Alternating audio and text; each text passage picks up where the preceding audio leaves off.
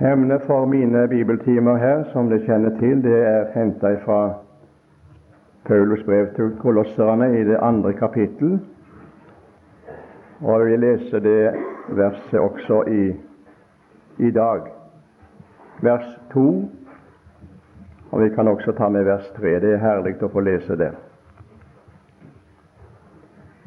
At deres hjerter må bli trøstet, så de kan knyttes sammen i kjærlighet det var noe jeg skulle hatt understreket, men det har ikke blitt. Men det er veldig fint å se det. Å nå fram til hele rikdommen av den fullvisse innsikt, til kunnskap om Guds hemmelighet, som er Kristus. I ham er alle visdommens og kunnskapens skatter til stede. Videre skal vi finne fram Efeserbrevets femte kapittel. Paulus brev til efeserne, kapittel fem. Og så skal vi lese der ifra vers 22. Dere hustruer, underordne dere under deres egne menn som under Herren. For mannen er kvinnens hode like som også Kristus er menighetens hode, han som er sitt legemes frelser. Like som menigheten underordner seg under Kristus, så skal også hustruene underordne seg under sine menn i alle ting. Dere menn, elsk deres hustruer, like som også Kristus elsket menigheten og gav seg selv for den for å hellige den ved å rense den ved vannbadet i Ordet, slik at han kunne stille menigheten framfor seg i herlighet, uten flekk eller rynke eller noe slikt, men at den kunne være hellig og ulastelig. Slik skylder også mennene å elske sine hustruer som sine egne legemer. Den som elsker sin hustru, elsker seg selv. Ingen har noen gang hatet sitt eget kjød, men han nærer og varmer det, slik også Kristus gjør med menigheten. For vi er lemmer på hans legeme. Derfor skal mannen forlate sin far og sin mor og holde seg til sin hustru og de to skal være ett kjød. Denne hemmelighet er stor. Jeg taler her om Kristus og menigheten. I går så talte vi da om Kristus som Guds viljes hemmelighet. Og Det skal vi da si litt videre om, for det er et emne som må strekke seg faktisk talt over to bibeltimer. Og Vi leste da fra Efeserbrevets første kapittel, og jeg skal lese det også nå før jeg går videre. Jeg må få lov å understreke det innledningsvis her. Det står det slik i Feserbrevet 1. Denne nåde har Han gitt oss, står det i vers 8, i rikt mål med all visdom og forstand, da Han kunngjorde oss sin viljes hemmelighet sin viljes hemmelighet etter sitt frie råd, som han forutfattet hos seg selv om en husholdning i tidenes fylde, og samle alt til ett i Kristus, både det som er i himmelen og det som er på jorden. Denne, denne Guds viljes hemmelighet som han forutfattet hos seg sjøl, sier apostelen her, det var å tilveiebringe i denne verden en himmelens husholdning. En husholdning i Kristus. En åndelig husholdning. Det var en hemmelighet. Og denne åndelige husholdningen den gikk ut på det å samle alt til ett i ham, sier han. I den eldre oversettelsen som vi hadde før, av 1930, tror jeg det står 'atter samle alt til ett i Kristus'. Jeg er ikke sikker om ikke det står 'atter'. At han atter ville samle alt til ett i Kristus. Jeg kan ikke si noe om det. Atter. Nå står det her at han ville samle alt til ett i Kristus. Og det står skrevet også flere plasser i vårt Nye Testamente. Den ugudelige, iallfall ikke kristelige, ypperste presten Kaifas, han måtte faktisk talt profetere enda han var imot Jesus og var hans motstander.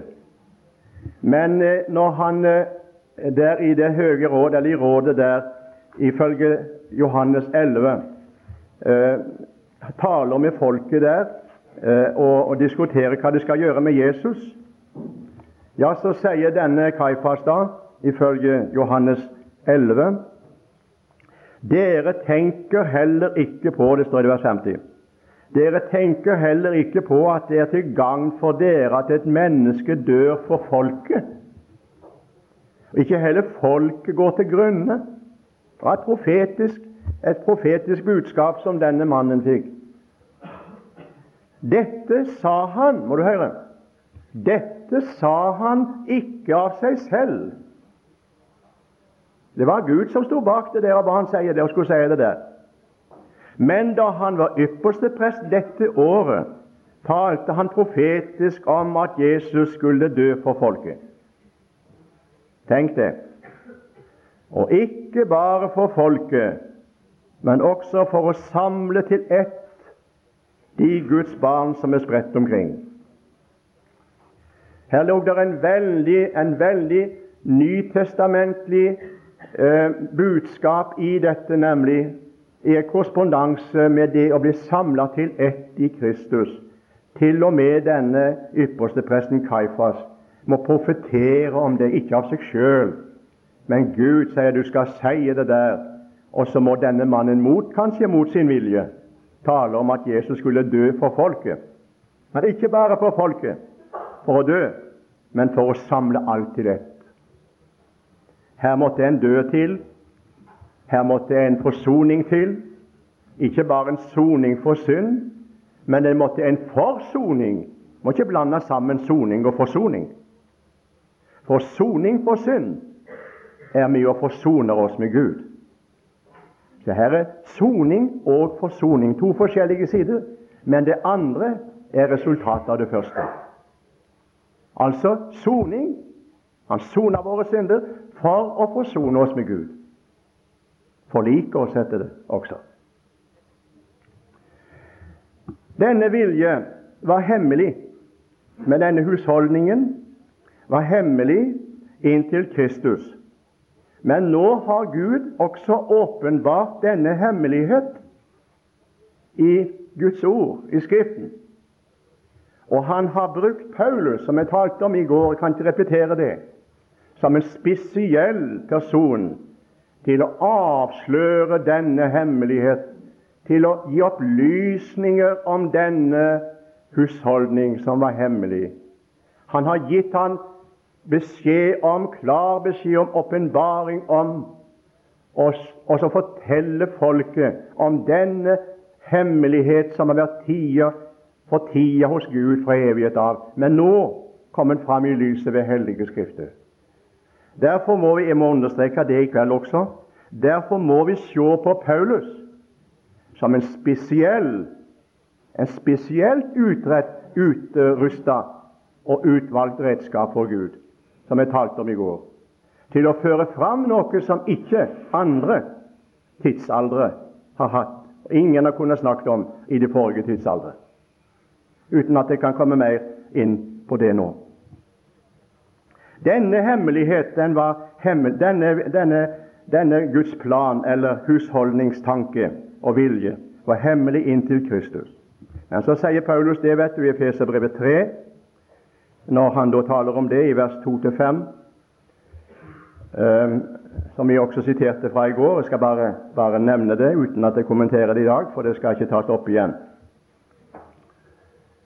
Han sier det slik Ved åpenbaring har Han kunngjort meg hemmeligheten slik seg ovenfor har skrevet med få ord.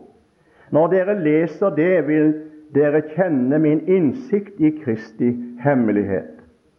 Den var ikke i tidligere tidsalder gjort kjent for menneskenes barn, slik som det nå er blitt åpenbart for Hans hellige apostler og profeter ved Ånden. Og Hvis du går til Kolossabrevets første kapittel, så, så, kan du se det at her er også taler Paulus om, om denne, denne, sin posisjon og denne sin stilling og sin oppdrag. Jeg leser også det og tar det med for å knytte kontakten til det vi talte om i går. Nå gleder jeg meg, sier han i vers 24, Kolosserbrevet 1, nå gleder jeg meg over mine lidelser for dere.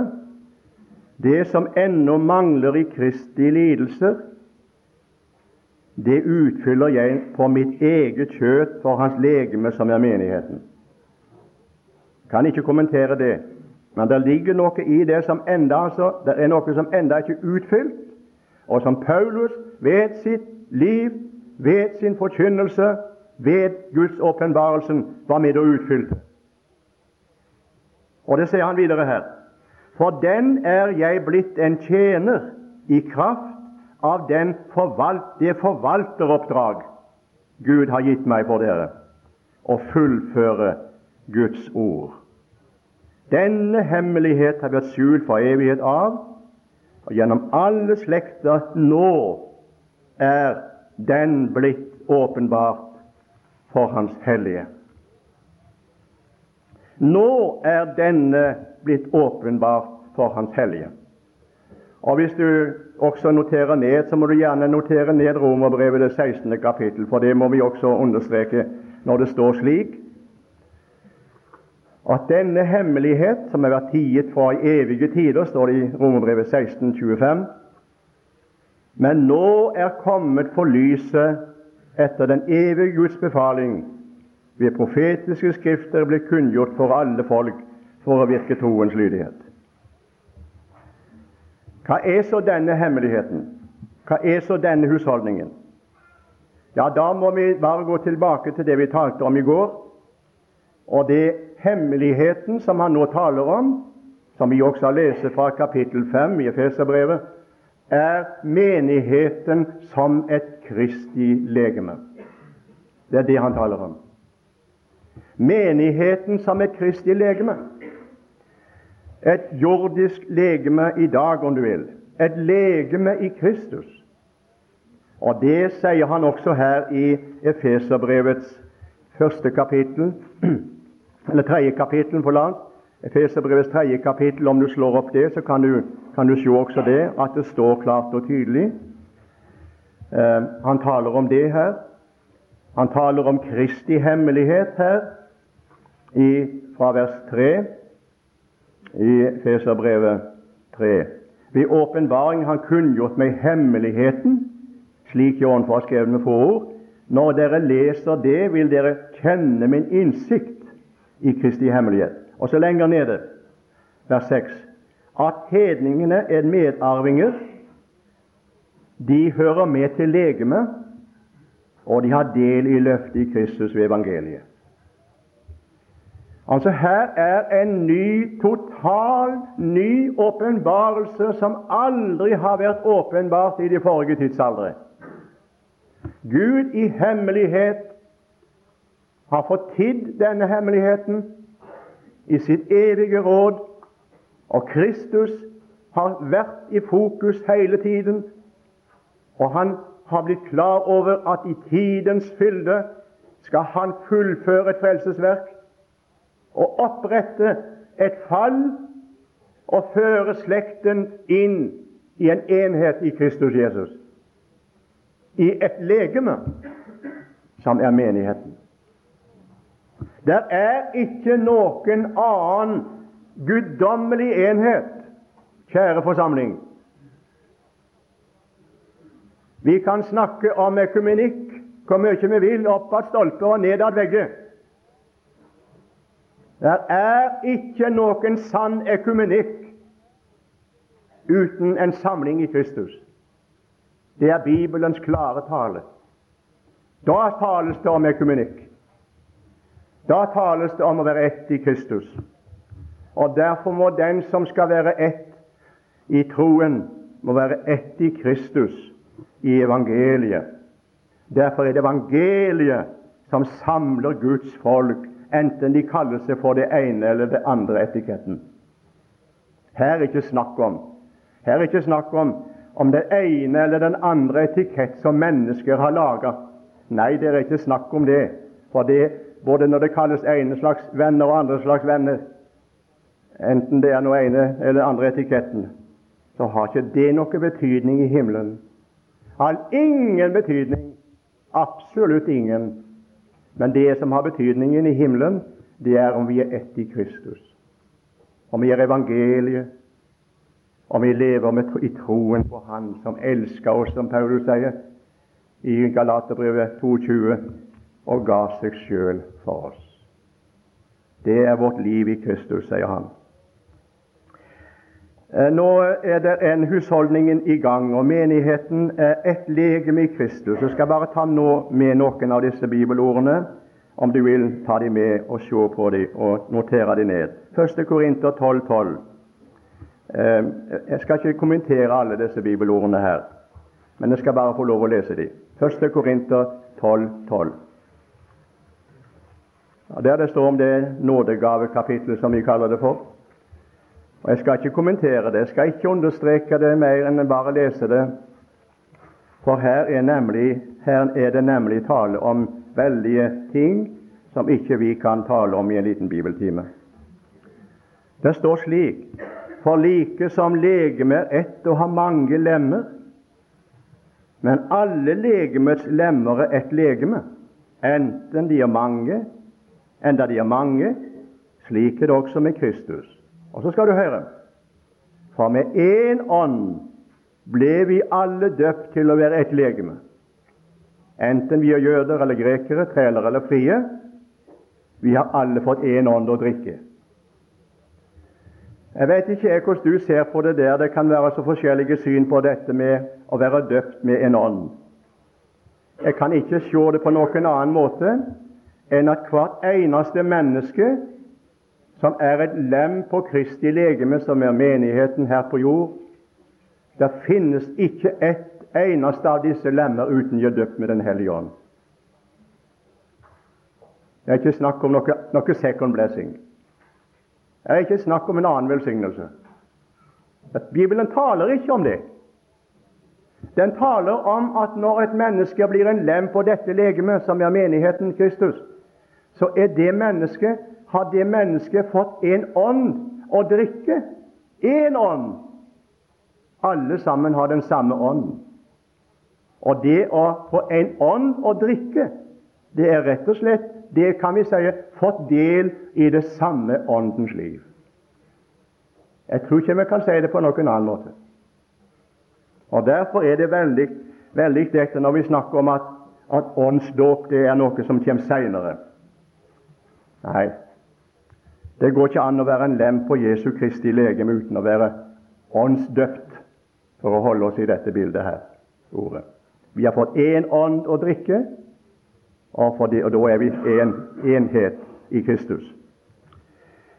Andre, 1. Korinter 12, vers 20. Jeg kan bare ta det med også. Der heter det slik For nå er det mange lemmer, men ett legeme. Og Går vi til eh, Efeserbrevet 4.4, så kan vi bare understreke det. Jeg skal ikke ta tid mange minuttene med å kommentere alle disse. Men Efeserbrevet 4.4, der lyder det slik Men det er ett legeme og én ånd, like som dere òg blir kalt med ett håp i deres kall. Ett legeme én ånd.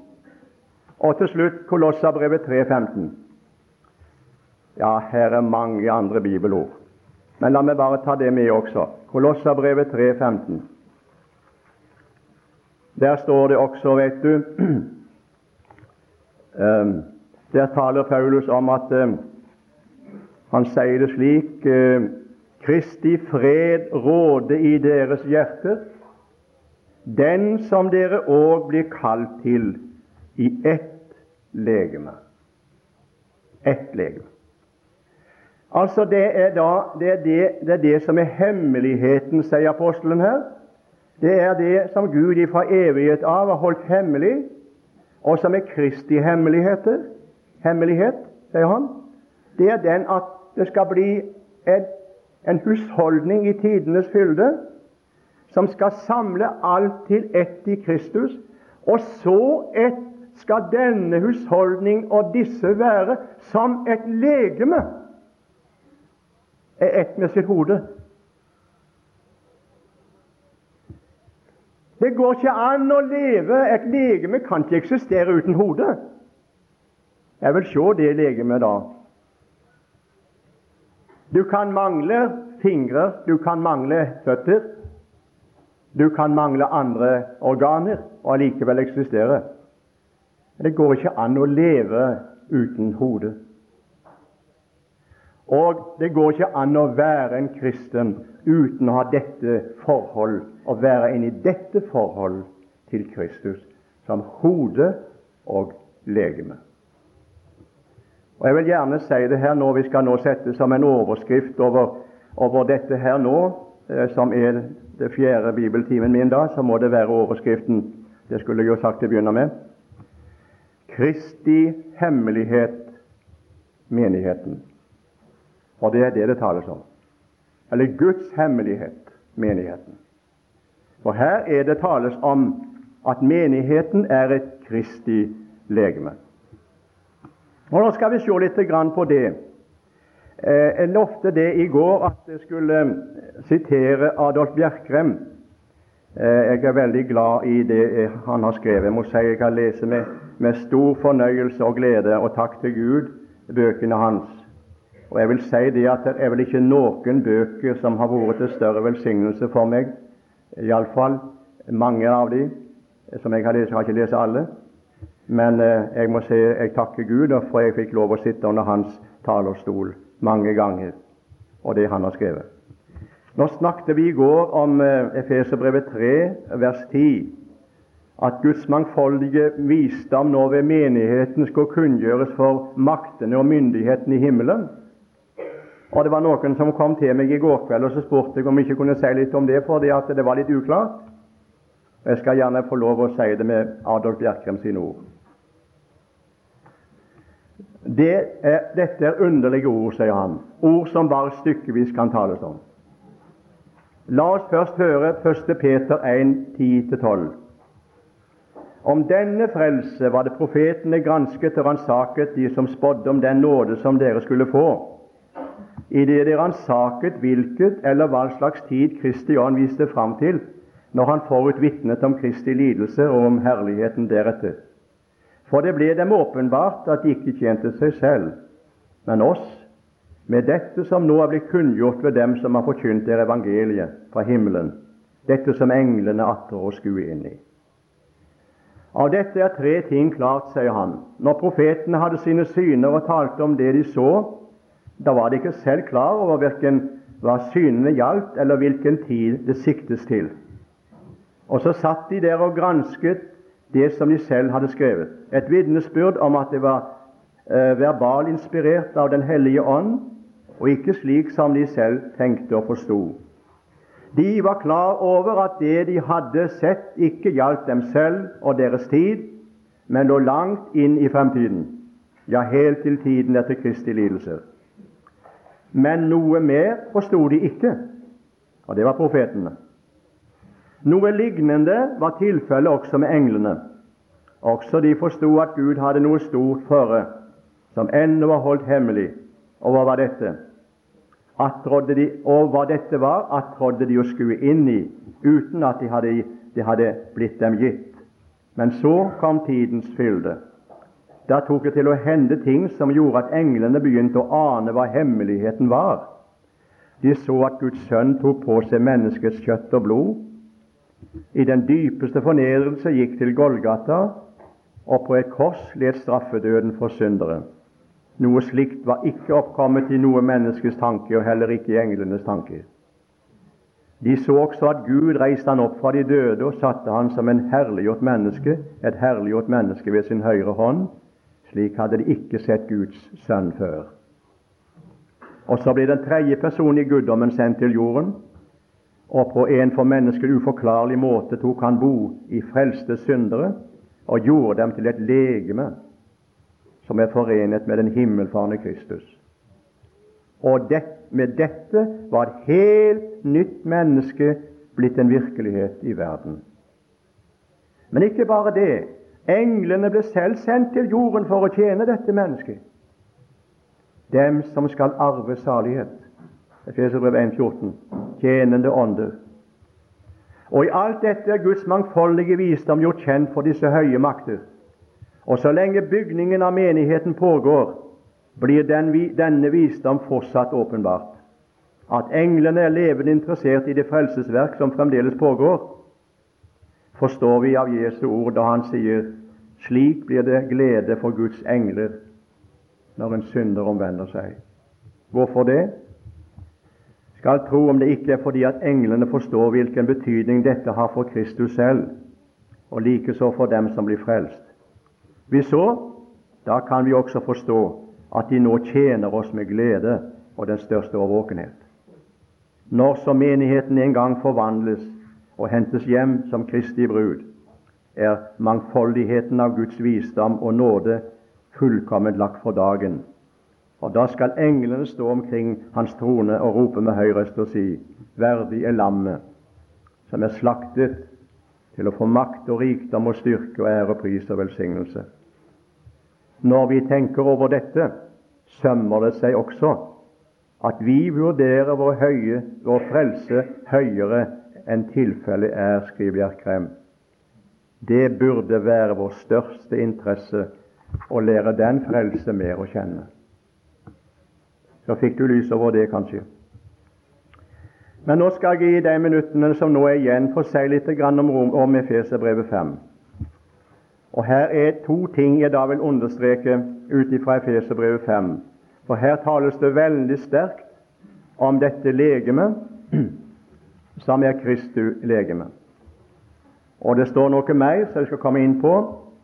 For her bruker nemlig apostelen uttrykket 'Denne hemmelighet er stor, sier han.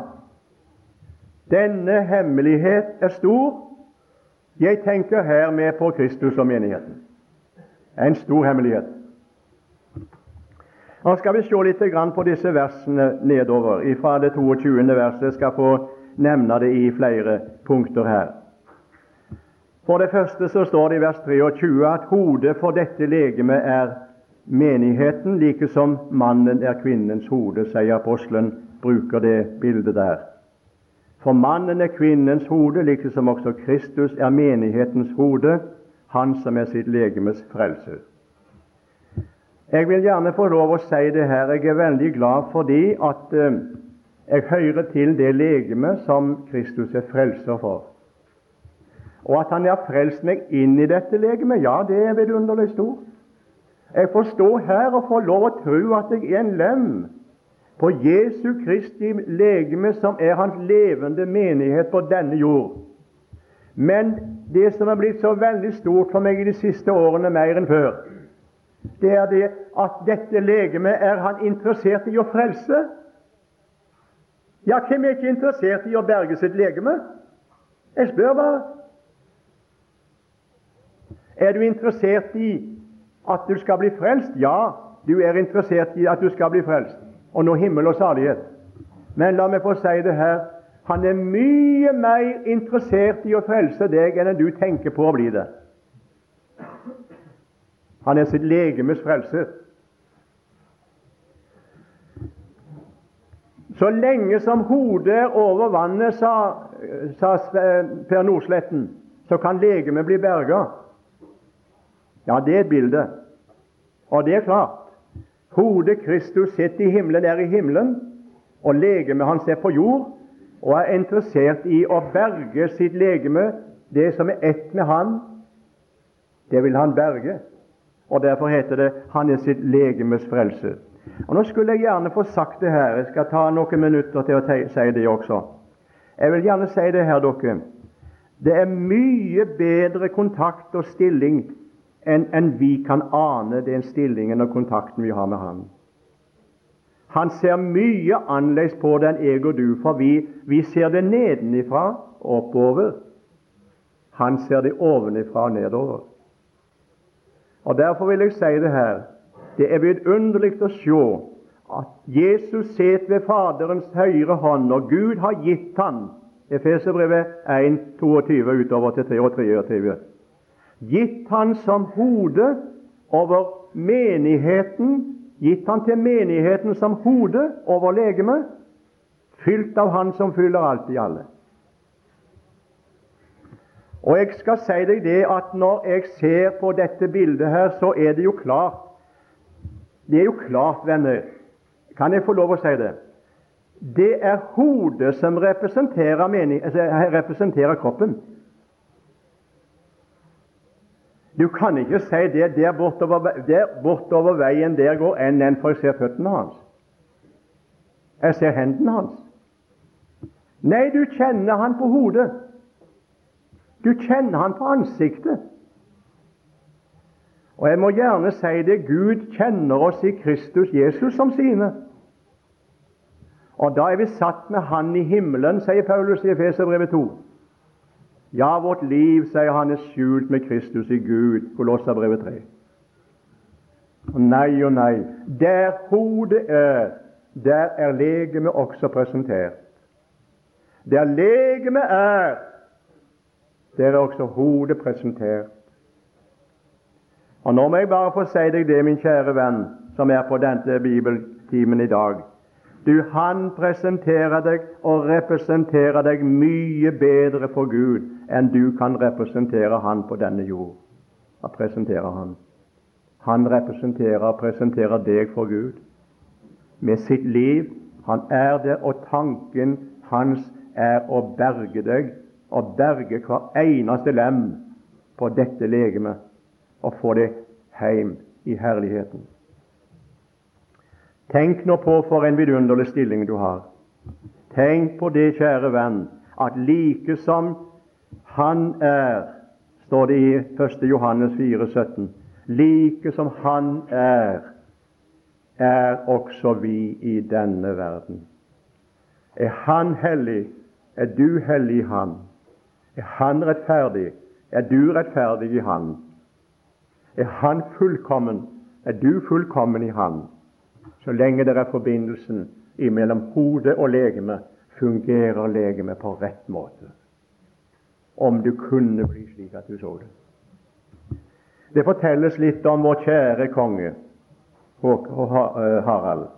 Når han var ganske liten og lekte der på Skaugum sammen med Astrid og Ragnhild, var det en dag at uh, han Harald gjorde noen ting som ikke var så akkurat til å være en kongesønn verdig. Så tok Astrid han uh, til sides, og så sa Astrid det ifølge det jeg har hørt av, så sa Astrid det til han Harald, du må komme i hu hvem du er. Ja. Slik skal ikke du gjøre, for du er nemlig Norges kronprins. Slik skal ikke du gjøre, Harald. Kom i hu hvem du er. Jeg vet ikke om, det, om, om han uh, tok det ad notam, men det var, det var søstera sin, sin, sin, uh, sin, formaning til broren. Kom i hu, Harald, hvem du er. Og tenk om vi kunne få bli, bli det klart for oss. At det var klart i tanken. Tenk jeg er ett med Kristus, som et legeme er ett med hodet. Han representerer meg fullkommen for Gud, og jeg skal leve mitt liv som en lem på denne jord, i den menighet som er hans husholdning her. Og så skal jeg representere han på en verdig måte. Jeg må gå videre. Det andre det understrekes her, det er det at han han eh, leder og styrer sitt legeme, sier apostelen her i vers 24. Like som menigheten underordner seg under Kristus, så skal også hustruene underordne seg under sine menn i alle ting. Han, de, han, han, altså, Legemet underordner seg eh, under hodet. Og det er jo klart det at Hvis det en dag skulle skje det at lemmen eller foten din ville ikke være enig med det som var tenkt her oppe i hodet Når du skulle gå framover et steg, så gikk foten tilbake et steg. Det var ikke kontroll, kontroll. Det var ikke kontakt. Det var brutt noe. Det var skada noen ting. Så ville det bli forferdelig for deg og for meg. Nei, det står noe her å underordne seg under Kristus. Menigheten skal underordne seg under Kristus, sier apostelen her. Og La meg få gå videre til det tredje. Det står i vers 24 han leder og styrer legemet, står det her. Og, og i, vers 25-26 for dag renser sitt legeme. Jeg har ikke tid å kommentere alt. Hellige den ved å rense den ved vannbad i ordet, står det i vers 26. Og i vers 28 og 29 og 30 så står det det at han elsker sitt legeme han nærer sitt legeme, han varmer sitt legeme, for vi er hans lemmer. Jeg synes det er fint å, å ha hele den, den opprekningen der. Jeg synes det er vidunderlig fint at slik står altså vi i vårt forhold til Han som er hodet, legeme på denne jord, har Han omsorg for. Han renser det, han representerer det, han renser det, han, han styrer det, han varmer det, han fører det, han elsker det. Ikke noen har hatet sitt eget kjøtt, men han fører og varmer det, liksom Kristus gjør med menigheten. Men nå må jeg nevne det andre, for her er nemlig hemmeligheten spesielt når da Paulus skriver her om den store hemmelighet. Så sier han, og det er vers 31 og 32. Plutselig så er det liksom han slutter av med legemet og taler ikke lenger om at vi er hans lemmer. Men så går han over til en, et annet forhold, og så sier han derfor skal mannen forlate sin far og sin mor og holde seg til sin hustru, og de to skal være et kjød. Så sier han denne hemmeligheten stor. Jeg tenker hermed på Kristus og menigheten. Taler hermed om Kristus og menigheten. Hvem er det som skal være lammets hustru? Hvem er det? Ja, sier noen, det lammets hustru må være jødefolket. Lammets hustru må være noen spesielt utvalgte i denne verden som har fått den posisjonen å være lammets hustru. Kom, jeg vil vise deg lammets hustru sa en engel til Johannes, og så så han det nye Jerusalem komme ned fra himmelen. Lammets hustru.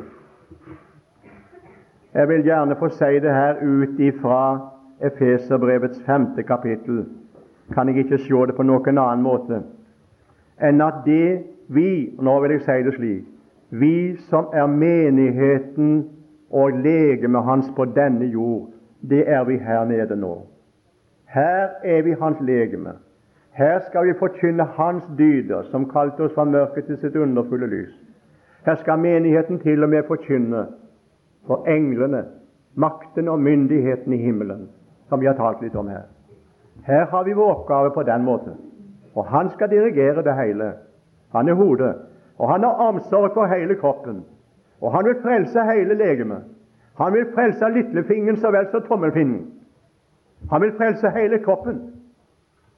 Han er sitt legemes frelse.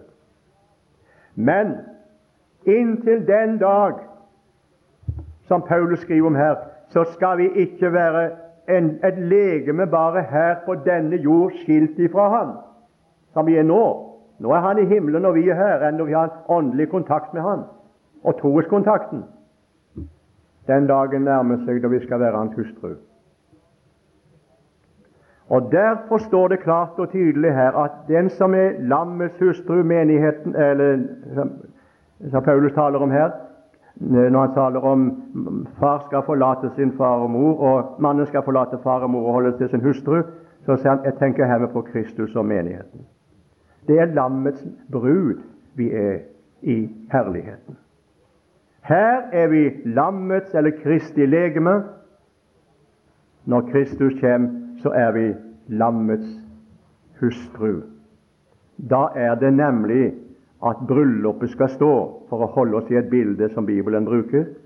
Paulus sier i 2. Korinter 11 at han trolova deg med én person, én mann, for å fremstille en ren jomfru for Kristus. Her hører vi Kristus til på den måte at det er fremtidig.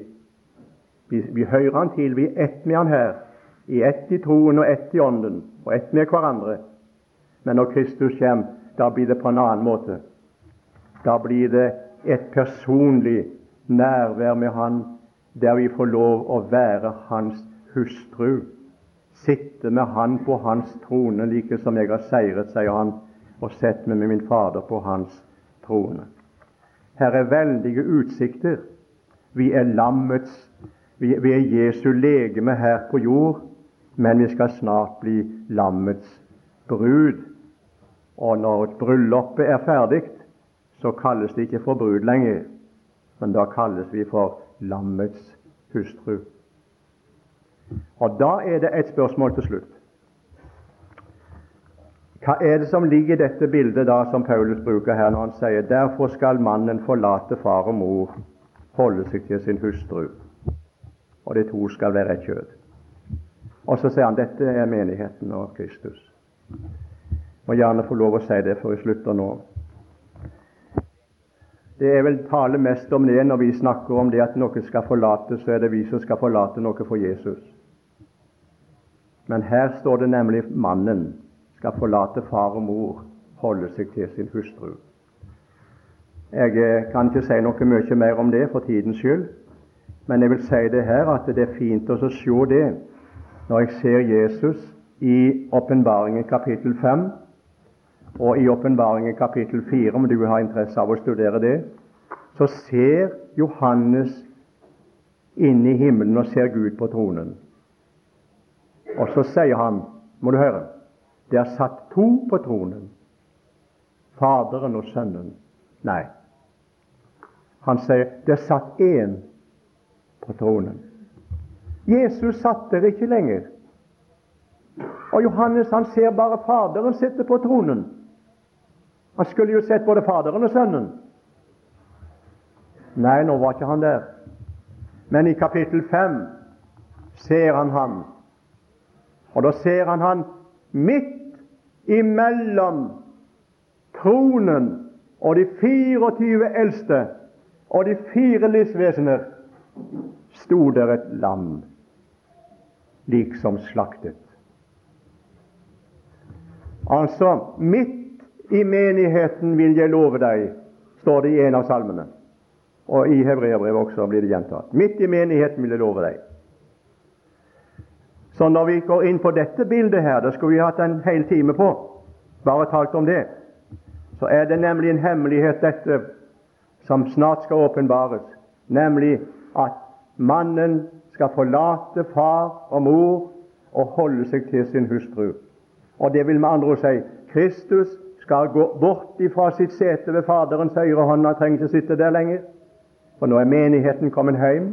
Og jeg tror personlig at menigheten i Bibelen representeres av de 24 eldste som sitter på tronene. Midt i menigheten, vil jeg love deg, så blir vi ikke hans legeme lenger på denne jord. Vi blir heller ikke bare hans brud. Det skal vi bli, og det er bryllupet som forestår men vi skal bli hans hustru. Og så kommer han med sine hellige, oppretter sitt rike etter han har hatt denne vidunderlige sammenkomsten i himmelen som kalles for lammets bryllup. Og så er menigheten hans brud. Og så blir vi hans hustru, som skal følge han, følge sin mann inn i det riket som forestår. Gud gi oss nåde til å forstå det. Denne hemmelighet er stor. Herre Jesus, jeg vet ikke om du har fått gitt oss noe ut av dette nå i denne time her. Det er så veldige ting, Jesus. Men vi ber om nåde til å få se inn i noe av det og få, få mer innsikt i det. At vi kan få glede oss over det. At vi kan få se at dette er meg. Jeg er en slik lem på et legeme som du har omsorg for, som du elsker, som du vil rense ved vannbad i ordet. Og du er, Herre Jesus, omsorg. Du, du elsker legemet ditt og vil frelse det og vil berge det. Du ber for oss. Du representerer oss fullt og helt for Faderen. Og du hjelper meg da, Herre, og hjelper oss til å presentere og representere deg på en verdig måte. At vi kunne til enhver tid komme i hu hvem vi er. Herre, så vil vi takke deg for fremtiden. Takk for bryllupet som snart skal stå. Så skal vi kalles for din hustru. Og da skal vi være sammen med deg for alltid og evig. Fader, jeg vil at det som du har gitt meg, skal være der jeg er, for å se min herlighet, sa du. Herre, vi vil be om velsignelse over bibelkurset videre. Neste time, i Jesu navn. Amen.